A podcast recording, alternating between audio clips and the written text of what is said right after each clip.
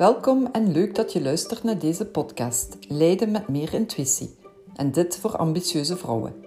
Mijn naam is Dominique Stulens en ik wil jou als leidinggevende vrouw uitdagen om met meer intuïtie en zelfvertrouwen te gaan leiden.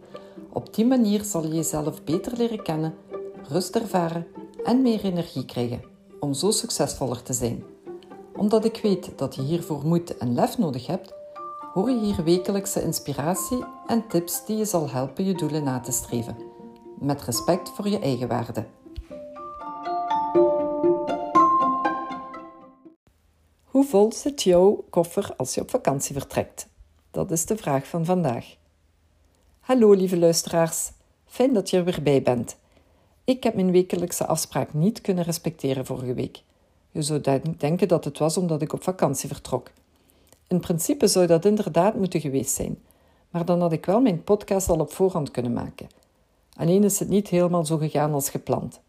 Ik voelde me al een tijdje suf en mijn energie was duidelijk niet zo hoog als anders. Ik motiveerde mij nog eens extra om positief te blijven en mijn brein te trainen om het piekeren achterwege te laten. Ik moest toch bij de dokter zijn voor mijn jaarlijkse bloedafname. Dan heb ik er ook van geprofiteerd om die van mijn dochter te laten nemen, omdat zij zich ook zo moe voelde. Het was al een paar weken dat dit aansleepte. En op geen enkel moment heb ik eigenlijk gedacht dat het COVID kon zijn.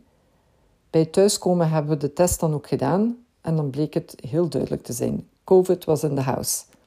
En dan ook nog goed ziek. Een paar dagen goed in bed gelegen, heel grieperig. Ja, wat kan je eraan doen? Dan regel je zo goed mogelijk wat er op dat moment te regelen valt. In mijn geval heb ik onze vlucht naar het zuiden van Frankrijk moeten annuleren. Want uiteraard met COVID kon ik niet vertrekken en ik had er sowieso de kracht niet voor. Daarnaast zijn mijn dochter en ik ook niet naar begrafenis kunnen gaan van mijn pas overleden schoonmoeder. Een heel pijnlijk moment, uh, want uiteindelijk is de moeder van de vader van de kinderen, die ook negen jaar geleden gestorven is. Um, dus eigenlijk een, een heel moeilijke herinnering. Maar bon, voilà, dat uh, hoort er nu eenmaal bij. En als alleenstaande mama heb ik dan ook het vertrouwen gelegd in de vaardigheden van mijn zoon, die nog maar 13 is, om alleen te kunnen reizen, op 60 kilometer afstand toch, om zo naar de begrafenis te kunnen gaan. En zo zie je maar, er zijn momenten in het leven die je niet onder controle kan houden, hoe graag je het ook wilt. Vandaar ook mijn vraag vandaag. Hoe vertrek jij op verlof als leidinggevende? Wat neem je allemaal mee? En nee, het is echt niet de bedoeling dat ik je ga helpen om je koffer te maken en tips te geven over hoeveel t-shirts en kleedjes of broeken dat je moet meenemen. En welke gezichtsverzorging je nodig hebt. Alhoewel dat ik daar ook een hele podcast van zou kunnen maken met mijn achtergrond als marketingdirecteur voor een cosmetica bedrijf. Waar ik het nu over wil hebben is je ingesteldheid als leidinggevende, net voor je met verlof gaat en tijdens je verlof. Wat druk leg je jezelf op? Hoe ga je om met het delegeren van jouw taken? Wat wil je nog absoluut afwerken voor je vertrekt? Wat is echt essentieel? En wat kan er wachten?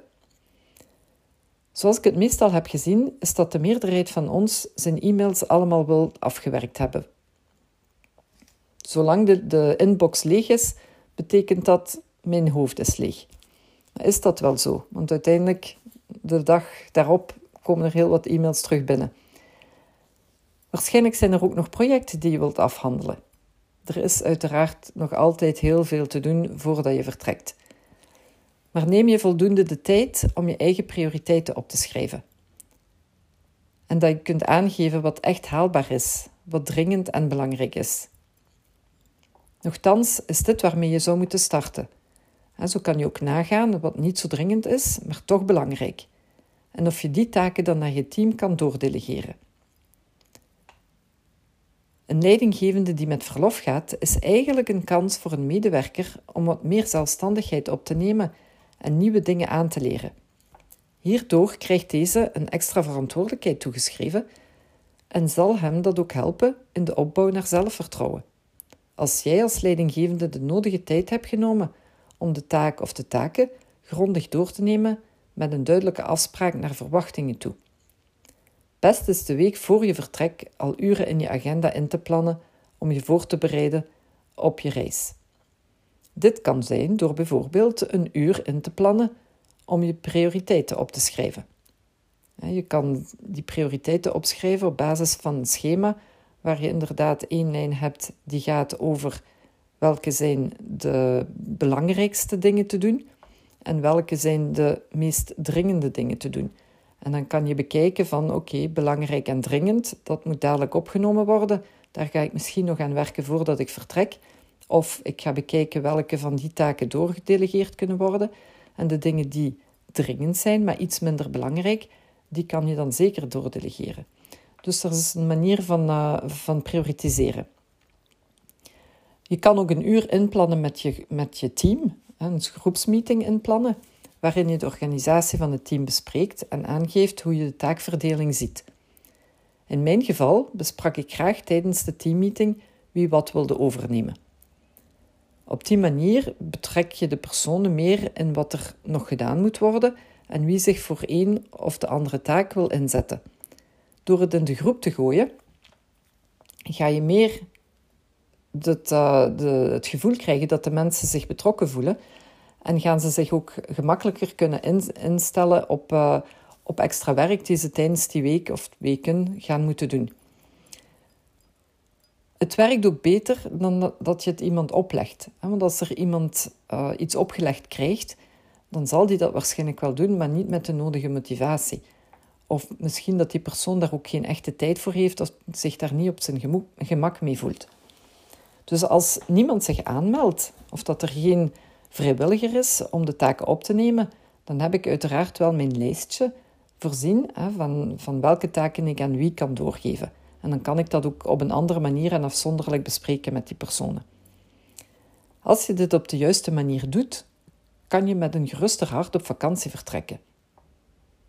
Ben je het type die een computer meeneemt op verlof? Dan stel ik je even de vraag waarom je je computer eigenlijk meeneemt. Is dat omdat je niet kan delegeren? Is het omdat je het gevoel hebt dat je controle moet houden? Of kan je iets niet loslaten, een project? Mag iedereen je bellen tijdens je verlof? Vele vragen die je je kan stellen om na te gaan hoe vol jij je koffer maakt met onnodige dingen van je werk. Ik sprak ook altijd heel goed af met mijn team dat ik geen e-mails zou lezen. Dit vermeldde ik ook in mijn out of office. Als je dat doet, is het best dat je daarin doorgeeft welke medewerkers de projecten zullen opvolgen. Ik sprak ook af met mijn team en medewerkers dat enkel, enkel dringende vragen op WhatsApp doorgestuurd konden worden, waar ik dan morgens en s avonds even naar zou kijken. Maar ze wisten dus heel duidelijk op welke manier dat ik het zou opnemen. Dus mijn tip van vandaag: het gaat er weer om dat het belangrijk is goede afspraken te maken, prioriteiten te stellen, op je team te kunnen vertrouwen en voor jezelf streng genoeg zijn dat je je vakantie volledig kan gebruiken om te ontspannen en er niet voor het werk hoeft te zijn. Je koffer zal een stuk lichter zijn. En eigenlijk is de koffer een metafoor van je hoofd, en op die manier ga je je hoofd ook leeg maken. Ik stel voor van hier eventjes mee aan de slag te gaan, te kijken hoe dat jij hier aan, uh, aan kan werken en wat dat je ermee kan doen. En hoe je, dat je daar dan ook uh, beter gaat bij voelen om, uh, om met verlof te kunnen vertrekken. Ik vind het super dat je luisterde naar mijn podcast Intuïtief Leiderschap. Dank je wel hiervoor. Ik vind het altijd leuk om te weten dat er volgers zijn en dat ik wat kan bijbrengen met mijn tips. Als je meer wilt weten en leren over leiden met meer intuïtie en zelfvertrouwen, of hier persoonlijk in begeleid wilt worden, dan ben je welkom om je aan te melden via mijn website yournextme.com en een kennismakingsgesprek in te plannen. Je hoeft maar op de, klik, uh, op de link te klikken van mijn planning. En dan ga je dadelijk eigenlijk een, uh, een datum kunnen inpikken. Ik help je daar heel graag bij. En ik vind het ook heel fijn als je mij laat weten of deze audio iets bij jou in beweging heeft gebracht.